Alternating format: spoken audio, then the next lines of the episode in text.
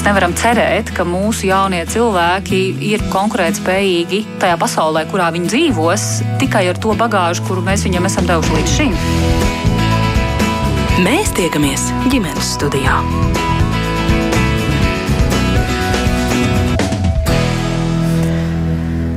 Labdien! Sev skanējumu sāk Latvijas radio viens ģimenes studiju un turpmāko stundu ar jums kopā šeit būs Agnese Link un arī viss šī rādījuma radošā komanda.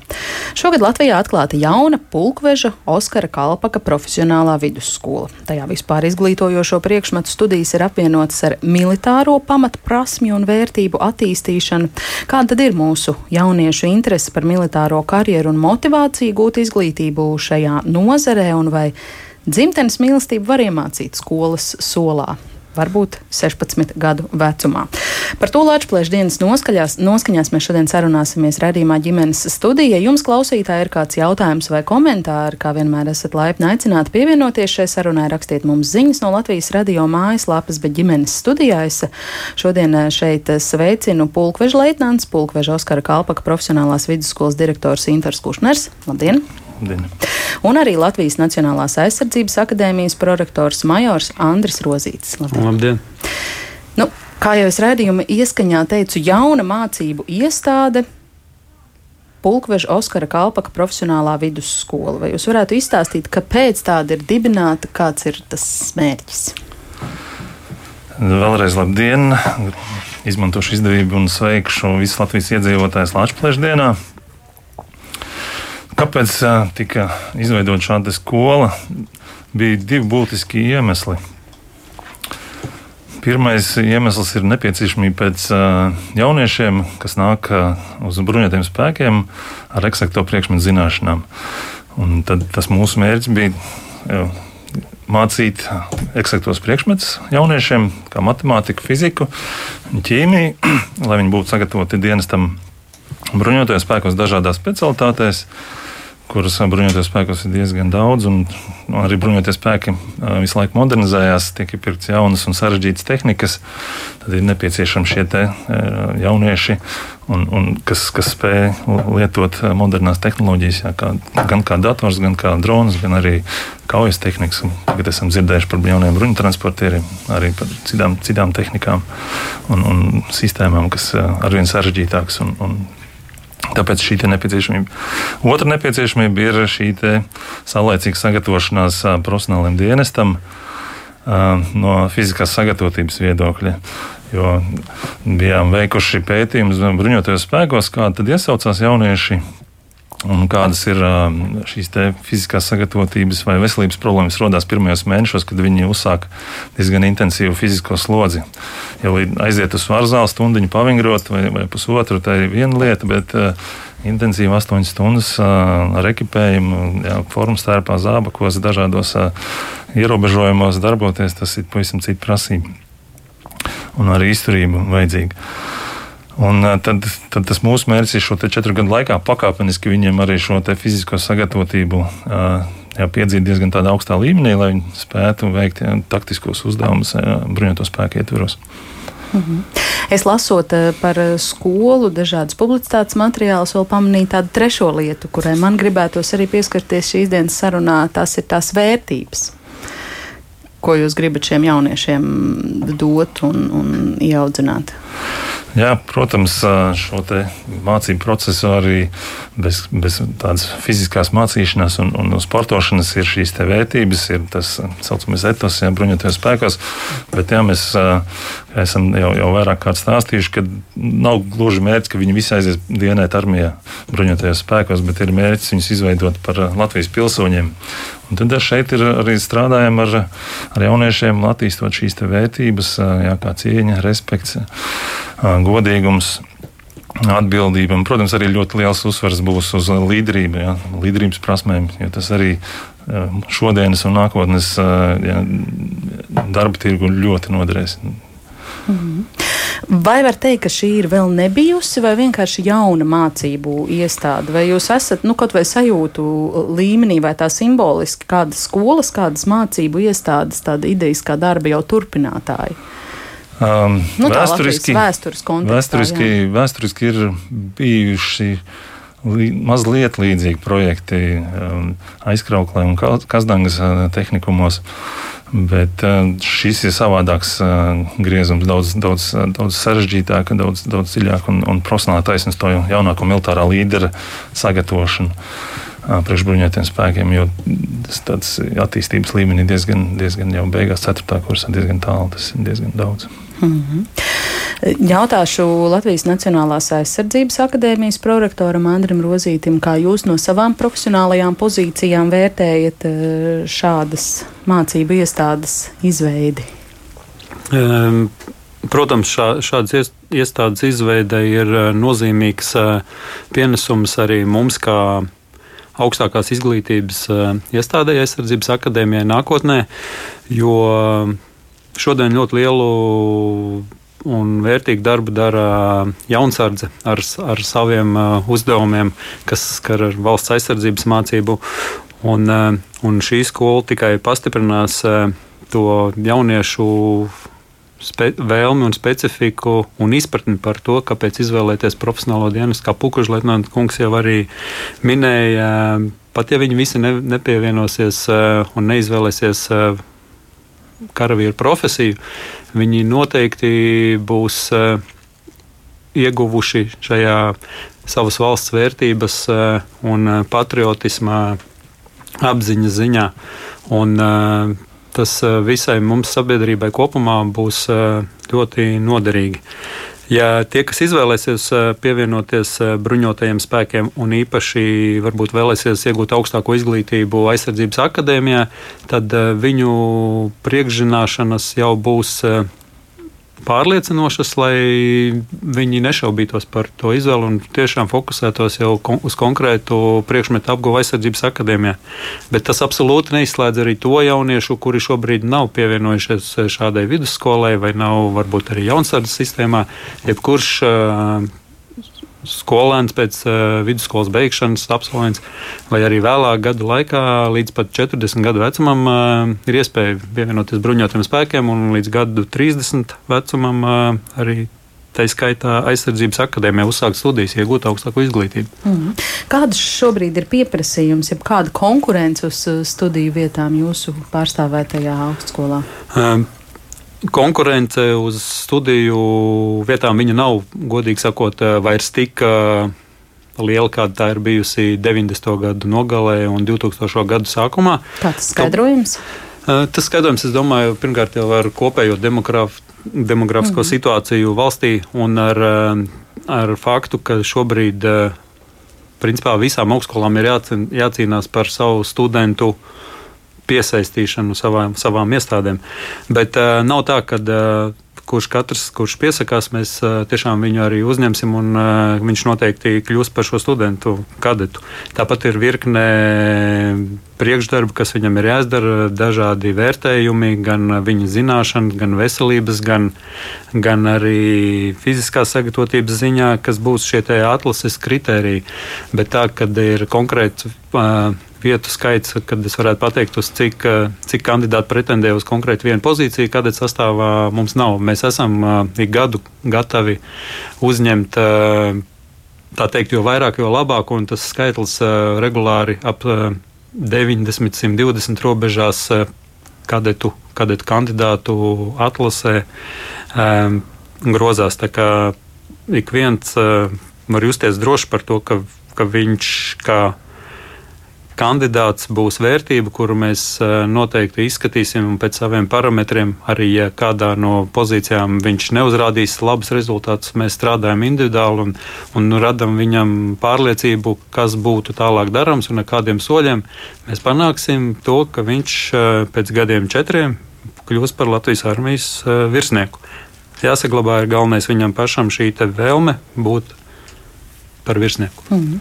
Tas, ko pirms uh, brīža pieminēja Pulkveža leitnants par to, ka trūkst to vidusskolu absolventu, kuriem būtu atbilstoša fiziskā sagatavotība, labā līmenī, eksaktās zināšanas, cik lielā mērā jūs ar to aizsardzības akadēmijā saskaraties? Mēs uh, saskaramies tieši tā tas arī ir, jā, un, uh, bet uh, tad arī paņ, paņemot pārskatu par pēdējiem četriem gadiem.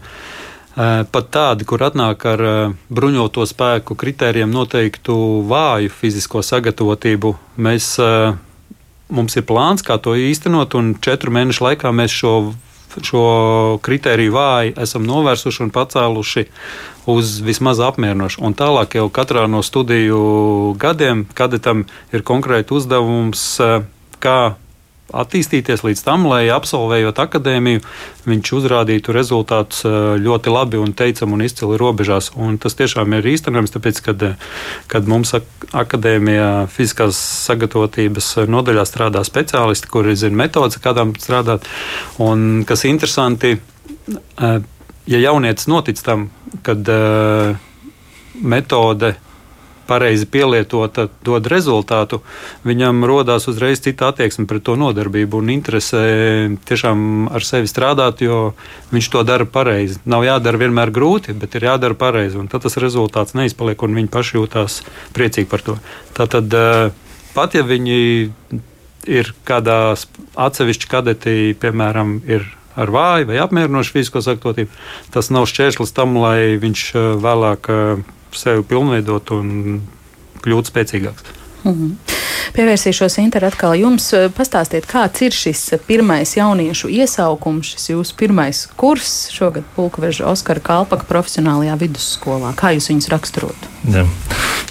Tad jauniešus raksturot noteikti kā drosmīgus pirmām kārtām, jo jābūt pietiekoši drosmīgiem, lai iestātos un, pretendētu jaunā skolā, par kuru nav nekas zināms, kāda viņi ir, kāda viņa būs. Un, un tas tiešām prasa drosmi gan no vecākiem, gan no jauniešiem pašiem kā tādiem. Bet uh, galvenokārt viņi jā, tiešām motivēti uh, nākt mācīties. Un, un, un redz sevi lielākoties jā, nākotnē bruņotajos spēkos vai, vai jaunsardzē kā instruktori. Citi varbūt tas ir kaut kur policijā, kaut kur esam tur runājuši individuāli, kas būtu. Bet jā, arī prasīgi ir, ir jā, zinātnākāri, nepacietīgi, ārkārtīgi, jo pašā sākumā, pirmās dienas, ļoti, ļoti gribēja daudz sportot, bet mums bija, bija jātur. Jo ņemot vērā pandēmijas tos ierobežojumus, kad viņi tur kaut kā individuāli kaut ko sportoja, un daudziem bija pārtraukti profesionālajie treniņi, Un tad bija tādas mazas sīkās traumiņas, kamēr viņi iegāja ritmā. Ja tomēr diezgan intensīvs tas režīms viņiem katru dienu rītrosmu 6.30 no rīta. Tad profesionālais sports, vispārējais sports, tad vēl pašiem interešu izglītība. Sports kā viņiem katru dienu kaut kāds sports. Tad, mm. Tas nu, sākums bija tāds biedējošs, bet, bet tādā ziņā apņēmīgi jā, iet uz priekšu, nepadoties. Un, un, un cīnās. Jā, bet nu, ik pa laikam ir jāpamotivē, protams, mm. mācības.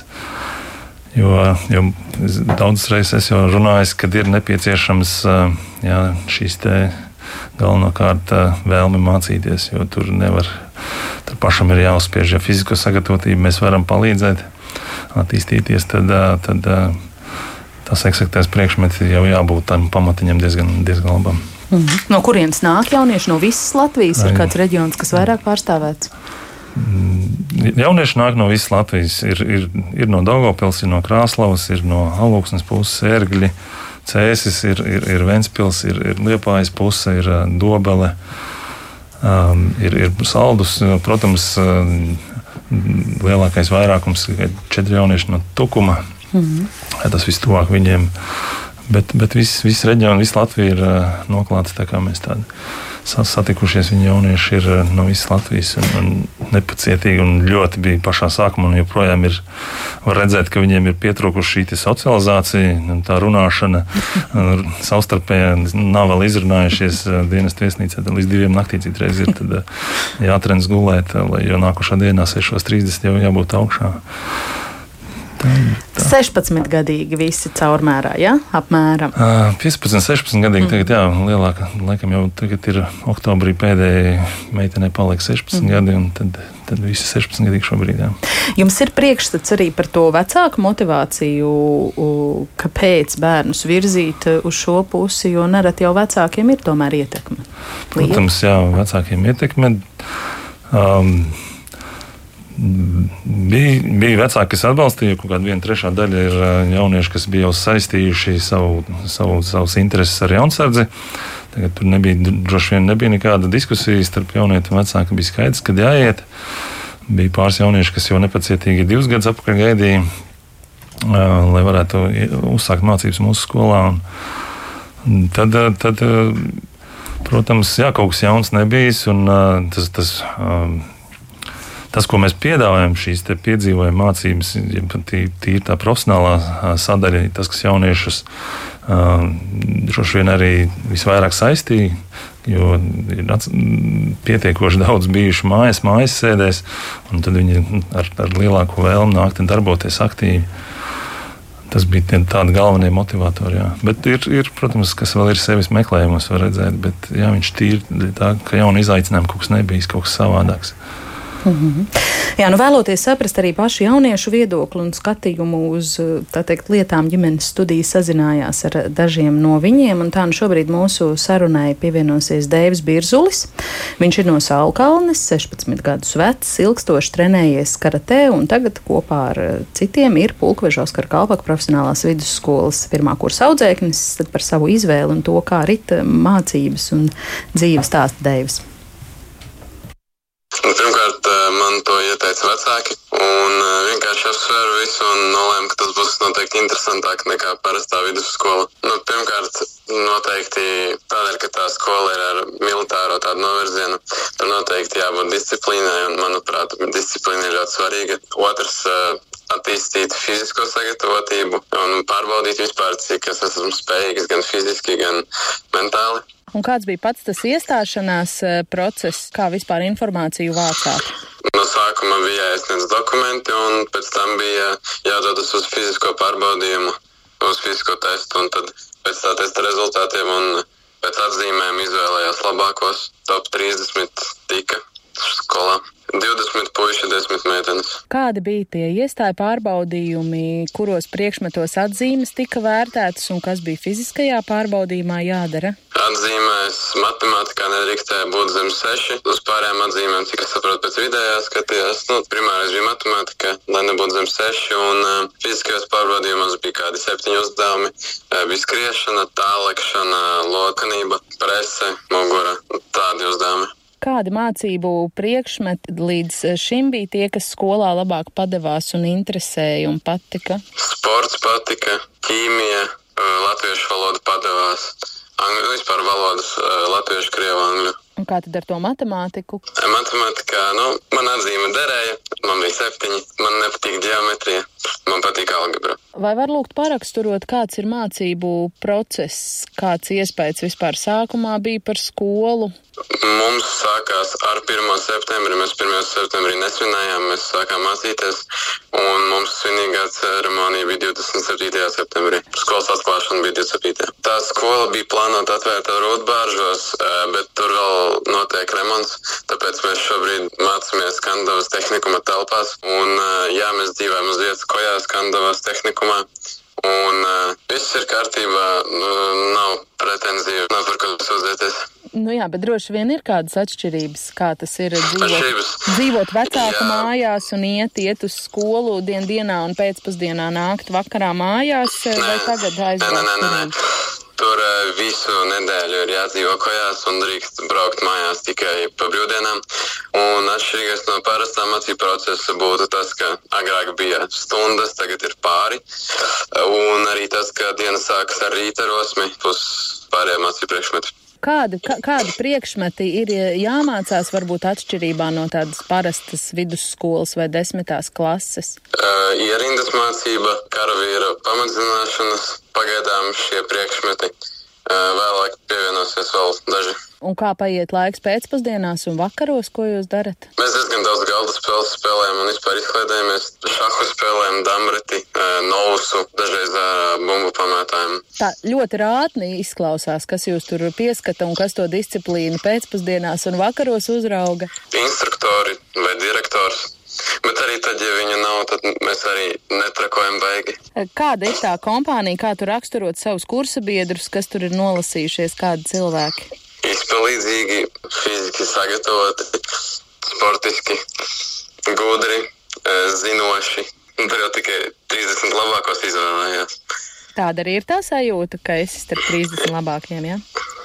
Jā. Cik lielā mērā tas, eh, kā tu biji iztēlojies, kādas būs mācības šajā skolā, sakrīt ar to realitāti? Nu, kaut kas varbūt ir citādāk, foršāk, nav tik forši. Es teiktu, ka es biju domājis, ka būs nedaudz vairāk militāro priekšmetu, bet, kā jau es teicu, viņi vēlāk papildināsies. Tagad ir tikai pats sākums. Es domāju, arī būs nedaudz vairāk fiziskās sagatavotības, bet es arī domāju, ka pagaidām mēs iesildāmies un vairāk, vēlāk būs vairāk. Principā viss atbilst tam, kā es biju domājis. Kā attālinātais mācību process ir ietekmējis jūsu mācības? Es pieļauju, ka tāpat kā pārējās skolās, caur Zoom platformu, e-klasē. Nu, tas nekas tāds īpašs. Kā tas ir? Nu, klātienē bija foršāk. Noteikti. Piemēram, militārie priekšmeti šobrīd nevar notikt īsti. Tas pietrūkst. Un uh, vispār tā saliedētība, būšana ar kursabiedriem. Bijāt jau paspējuši Jā, jā. sadraudzēties, sapazīties, jā? Kā tu iztēlojies eh, savu profesiju nākotnē? Kas tu gribētu būt? Vai tev jau ir kāds priekšstats? Es plānoju iet vai nu uz akadēmiju, uz uh, Nacionālo aizsardzības akadēmiju, uh, vai arī uzreiz profesionālajā dienestā iestāties. Vai tu esi pie sevis arī domājis, ko tev nozīmē patriotisms? Vai jūs skolā varbūt par to jau esat eh, šajos pirmajos mācību mēnešos paspējuši runāt un diskutēt? Karavīru pamatzināšanās, tur mēs runājam par patriotismu, par tā veidiem, ka ir pilsoniskais patriotisms, piemēram, nacionālais patriotisms, piem, jā, ka viņus iedala. Priekš manis patriotisms ir savas valsts mīlēšana un darbošanās tās labā. Nu, ko tas 16 gadu vecumā nozīmē mīlēt savu valsti un darboties tās labā? Un, piemēram, piedalīties talkās tajās pašās, ne, rūpēties par savu valsti eh, un sākt interesēties par politiku jau šobrīd, lai vēlāk neiekavētu. Un tad, kad paliek 18, tad ja jau var kaut ko saprast. Lai nebūtu tā, ka ne, 18 gadi un cilvēks neko nesaprot, kas ir politika un nezinu, par ko vēlēt. Vai tev jau uh, Lāčplēšu dienā ir tā sajūta, ka tu esi piederīgs uh, Latvijas karavīru saimē, ka šī ir arī tava svētku diena? Daļēji, tad, ja mēs būtu klātienē un mēs būtu formās un gatavotos parādai, tad uh, būtu lielāka sajūta.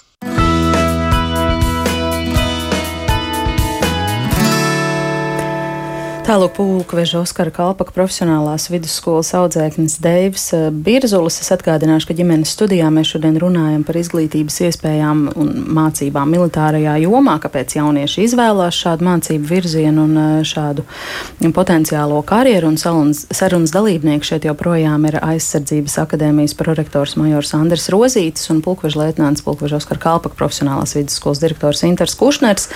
Mm, Inter, cik gribētāji šogad tad pretendēja uz tām 30 uh, vietām, jo tas, kā Dēvis to pasniedz, atlasa nopietna, starp 30 labākajiem viņš ir un, un viņš tā arī jūtās. Daudz bija to gribētāju, to var atklāt. Jā, es, eh, to, tā man personīgi tā statistikas tā baigi nepatīk. Jo, ja, ja statistiski mēs ejam, mēs bijām saņēmuši 67 eh, iesniegumus. 61 uh, jaunietis ieradās uz fizisko sagatavotības testu kārtošanu, bet bija daudz vairāk jauniešu, kurus mēs atrunājām pa ceļam, jo viņi jau bija nomācījušies vidusskolā desmito klasi. Mm. Tad, jā, jau tas, ko arī Majors Rozīns iepriekš minēja, tas signāls kaut kā no sākuma aizgāja. Kad caur mūsu skolu tikai tad viņi varēs iestāties aizsardzības akadēmijā. Un tad tas mūsu dialogs ar daudziem jauniešiem bija, kad turpini mācīties vidusskolu, tev ir atlikuši vairs tikai divi gadi vidusskolā, un pēc šiem diviem gadiem tu droši ej un uh, startē aizsardzības akadēmijā.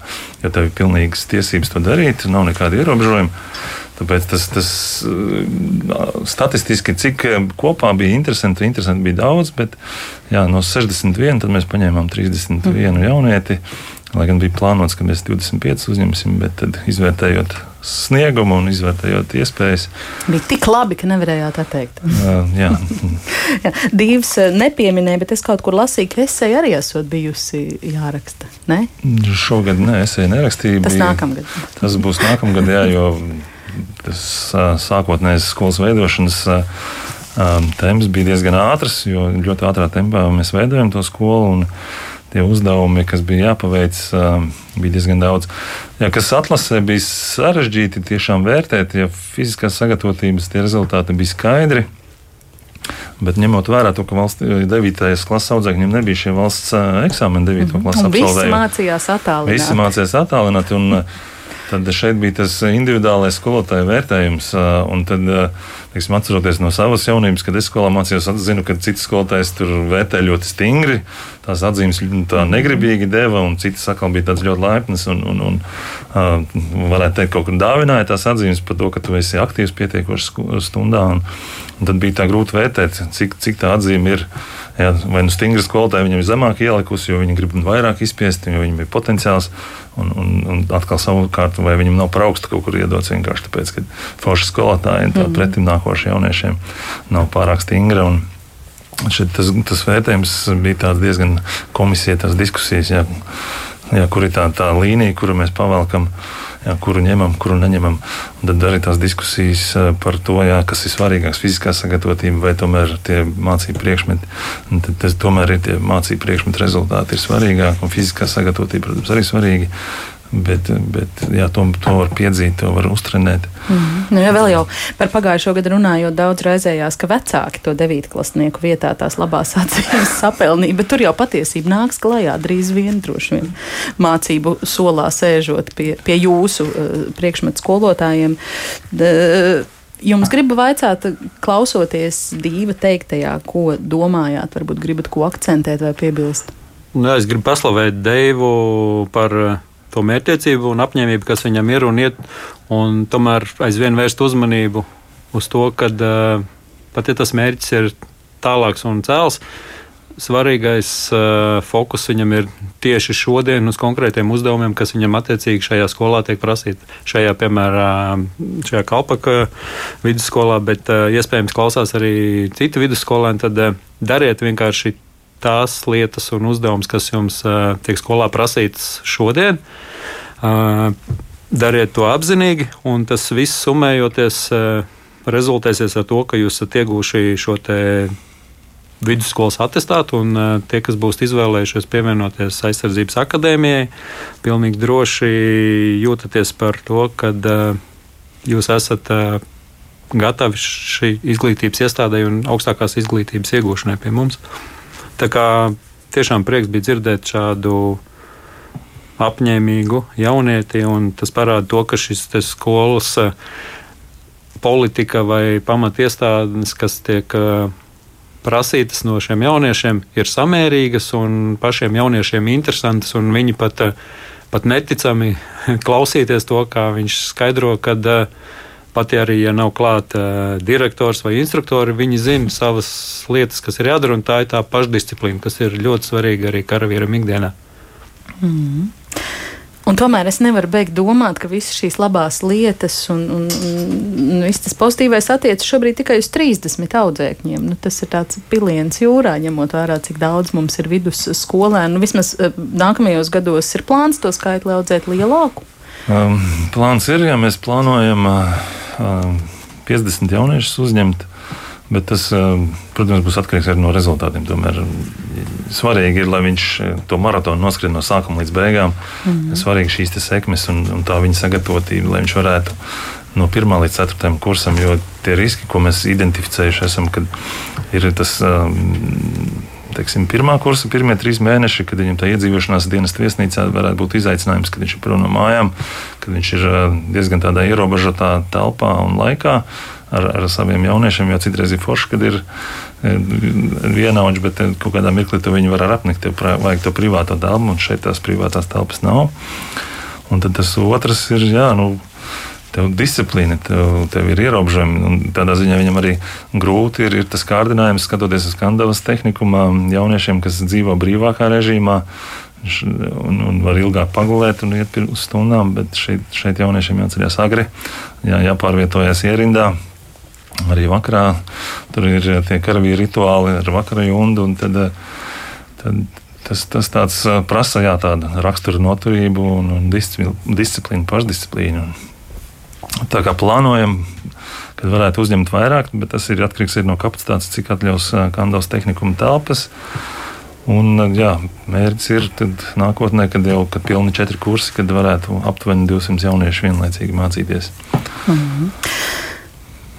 Šodien ir tas īpašais datums, un katru gadu šajā dienā mēs domājam un, un runājam par patriotismu ne tikai šajā dienā, bet šajā nedēļā, visu novembrī. Un es gribu tāpēc jums vaicāt, kāds ir jūsu skatījums uz eh, patriotisma iemācīšanu? Arī tad, ja jūs satiekat šo jauno cilvēku tāds, kāds viņš ir, es nezinu, 16, 18, varbūt um, akadēmijā 20 gadus vecs, kā to izdarīt, vai tas ir paveicams? Tas noteikti sākās jau no mazotnes eh, ģimenē, ar piemēru no vecākiem, vecvecākiem. Ar to, kā jūs eh, godājat valstī noteiktās svētkus, tradīcijas un tam līdzīgi. Un, bet, bet visiem nesākas. Visiem nesākas, jā, protams. Tas.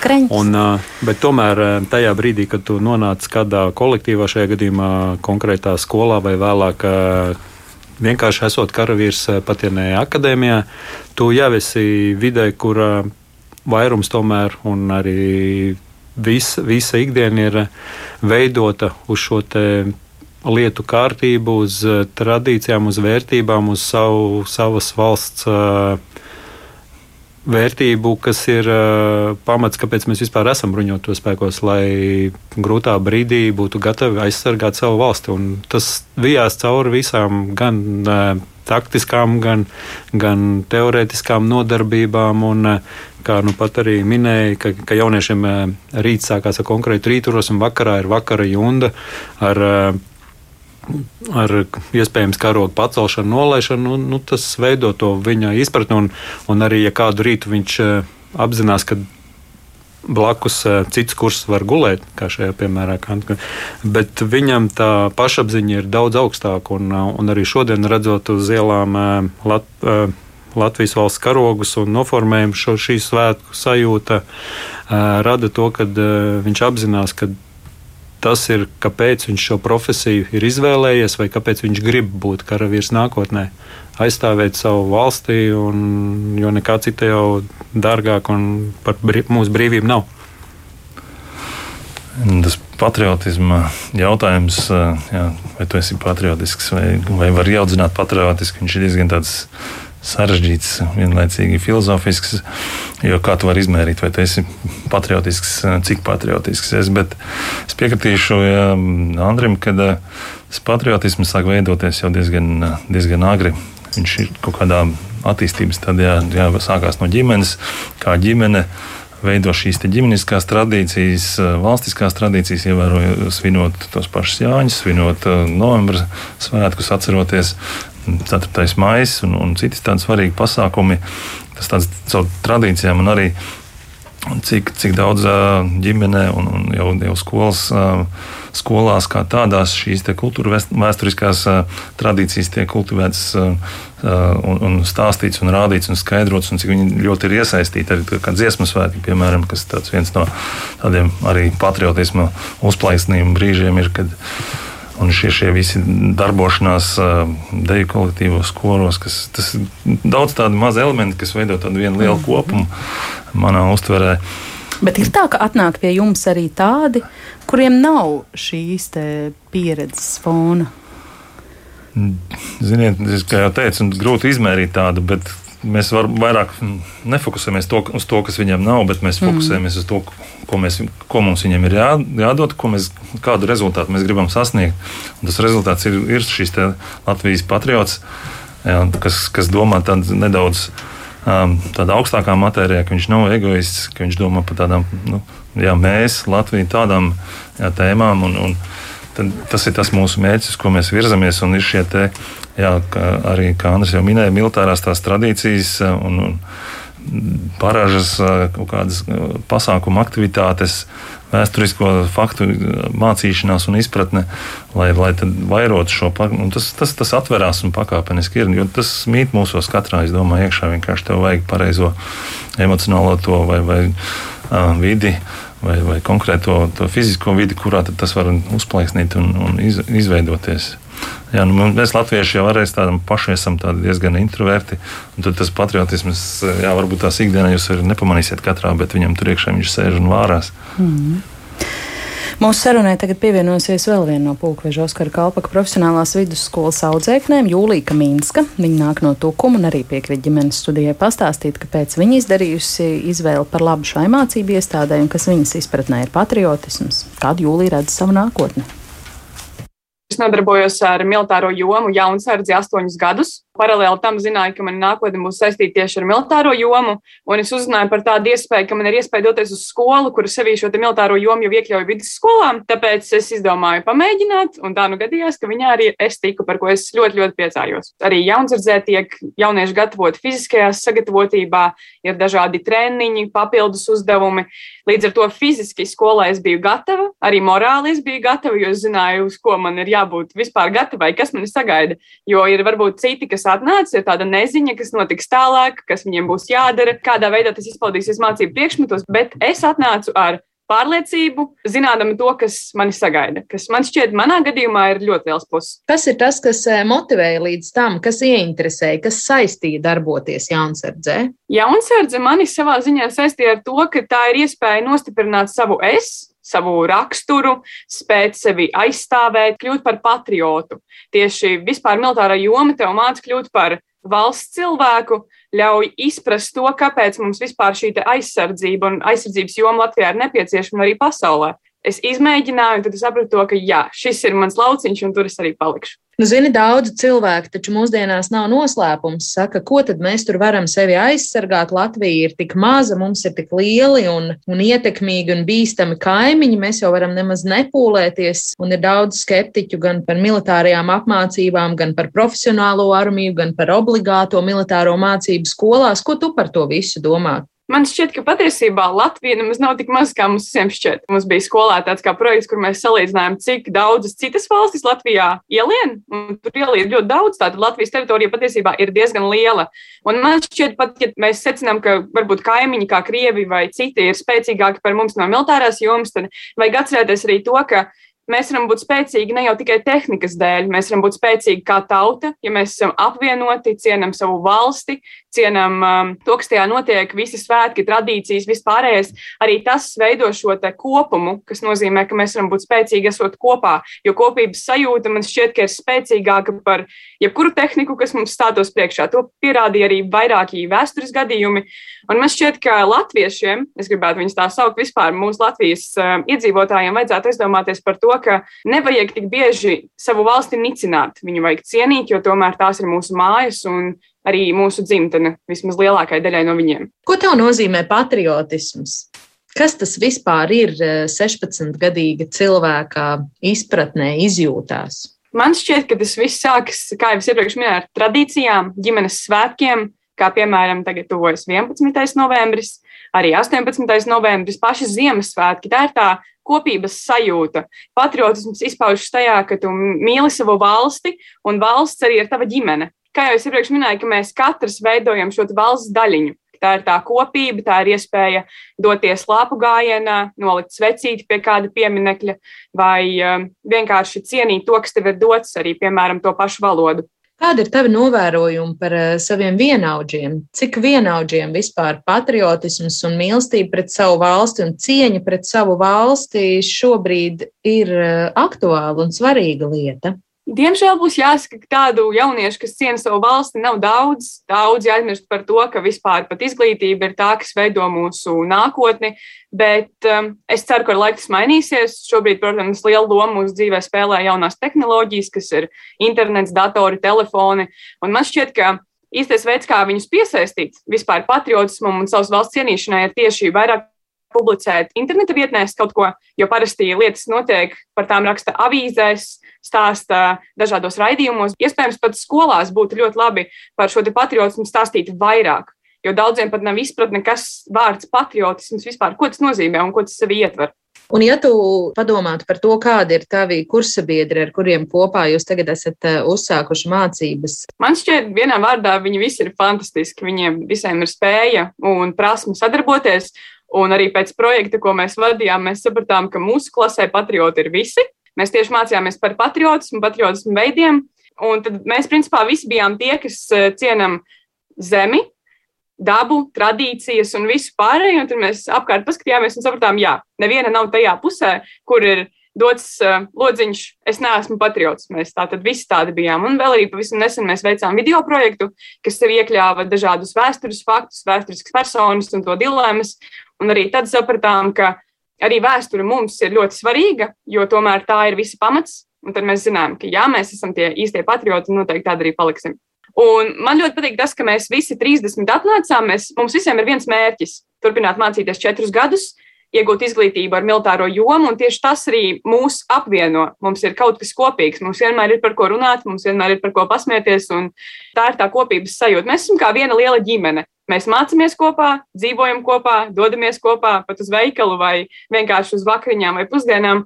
Tāpēc mēs esam tāds apvienots kopums, kas man šķiet ir ļoti svarīgi. Tā kopības sajūta tiešām spēlē ļoti lielu lomu mūsu dzīvēm. Kā tas ir aizbraukt tagad šajā vecumā no mājām? Nu, kamēr vēl nemācījāties attālināt, jūs paspējāt jau saprast un nogaršot to prombūtnes un kopmītņu dzīves eh, ikdienu. Patiesībā daudzi bija priecīgi par iespēju, ka viņiem ir tā iespēja būt ārpus eh, ģimenes, ārpus mājām, jo tomēr tas ir nedaudz savādāk. Tur, tur mūs kontrolē pēc citiem principiem, Un tā ir tā iespēja atpūsties. Mēs esam kopā ar saviem vienaudžiem, mēs spēlējam spēles. Varbūt ģimenē tas um, nav tik ļoti izteikti, jo tomēr katram ir savs grafiks, vecāki strādā, mēs mācāmies, un tad īsti nesanāk kaut kā kopīgi pavadīt laiku. Bet uh, Tur mani viss apmierina. Man apmierina paši apstākļi, kas tiešām ir izcili, tiešām ļoti labi. Tas ir tas, ko es varu paslavēt. Un es iepriekš esmu dzirdējusi stāstus par eh, kopmītnēm kā tādām, ka, ka viņi nav tik pozitīvi. Bet eh, mūsu gadījumā viss, ko es varu pateikt, ka viss ir ļoti ideāli. Es ļoti, ļoti ceru, ka 15. novembris būs tas datums, kad mēs varēsim doties atpakaļ, jo tomēr ir tādi mācību priekšmeti, kurus mēs nevaram veikt attēlināti, sevišķi militārajā jomā. Vai tu jūti pret sevi kā pret meiteni kādus aizspriedumus? Uzdevumus eh, šajā jomā darbojoties? Patiesībā, jā, viņi ir ļoti izplatīti par to, ka militārā joma ir domāta tikai puišiem un nevienam citam. Bet kā jau mēs zinām un redzam un secinām, ka patiesībā vairs nav profesijas, par kuru varētu teikt, tā ir tikai vīriešiem vai tikai sievietēm. Man, man teikt, kāpēc tu kā meitene izvēlējies militāro jomu, kāpēc kaut ko tādu, tas ir tik ļoti grūti, tas ir tik smagi. Es saprotu to, ka patiesībā smagi tās šķiet tai personai, kas man to saka. Bet uh, manā gadījumā es varu teikt, ka meitenēm noteikti vajadzētu pamēģināt, saprast, izprast, kas tas ir, jo tas noteikti nav domāts tikai vīriešu kārtas pārstāvjiem. Jūlija, kā tu iztēlojies savu nākotni, kādu tu iedomājies, savu profesiju un savu turpmāko dzīves ceļu pēc šīs skolas absolvēšanas? Manos plānos pēc šīs skolas pabeigšanas ir doties uz aizsardzības akadēmiju. Tad varam secināt, ka iegūt profesiju par virsnieku. Un paralēli visam tam es vēlos iestāties jaucēnces centrā par instruktoru, jo tā ir tā fantastiskā iespēja, ka es varu apvienot vadīšanu un savu zināšanu sniegšanu, redzēt potenciālu, redzēt to, kā tas viss attīstās. Un pavisam noteikti es būšu tā, kas militāro jomu turpinās.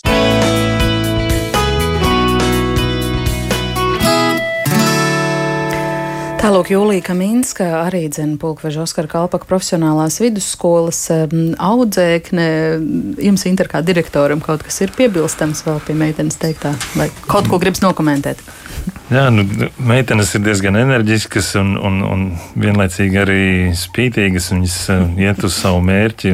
To es arī pieredzēju, kad uh, bija Batlēna komandieris, kad zemesardzē nāca uh, sievietes, nāca dienēt. Viņas jā, tieši sakož zobus, pārcieš mm. visas grūtības un iet uz priekšu. Mm.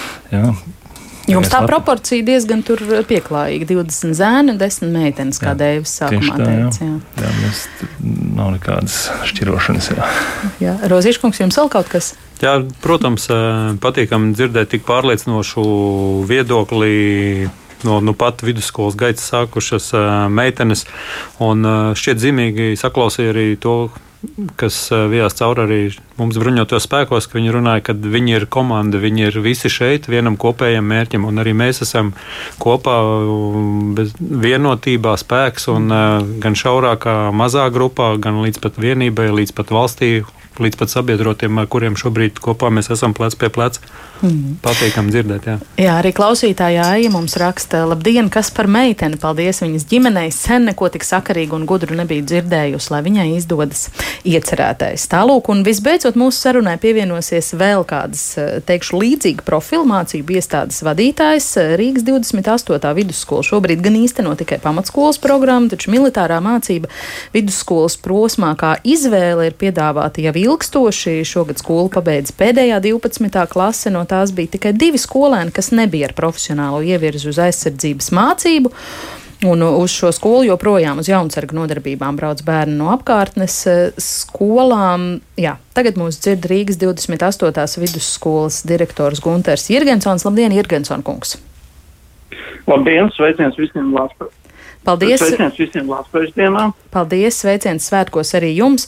Jūs savā skolā, kā jau eh, minēju, 12 gadus nodarbojaties ar eh, ko līdzīgu aizsardzības eh, mācības izvēles piedāvājums. Jūs veicāt šo apmācību vidusskolas posmā. Kādā situācijā jūs esat tagad un kā jūs vērtējat vēl vienas šādas mācību iestādes izveidi?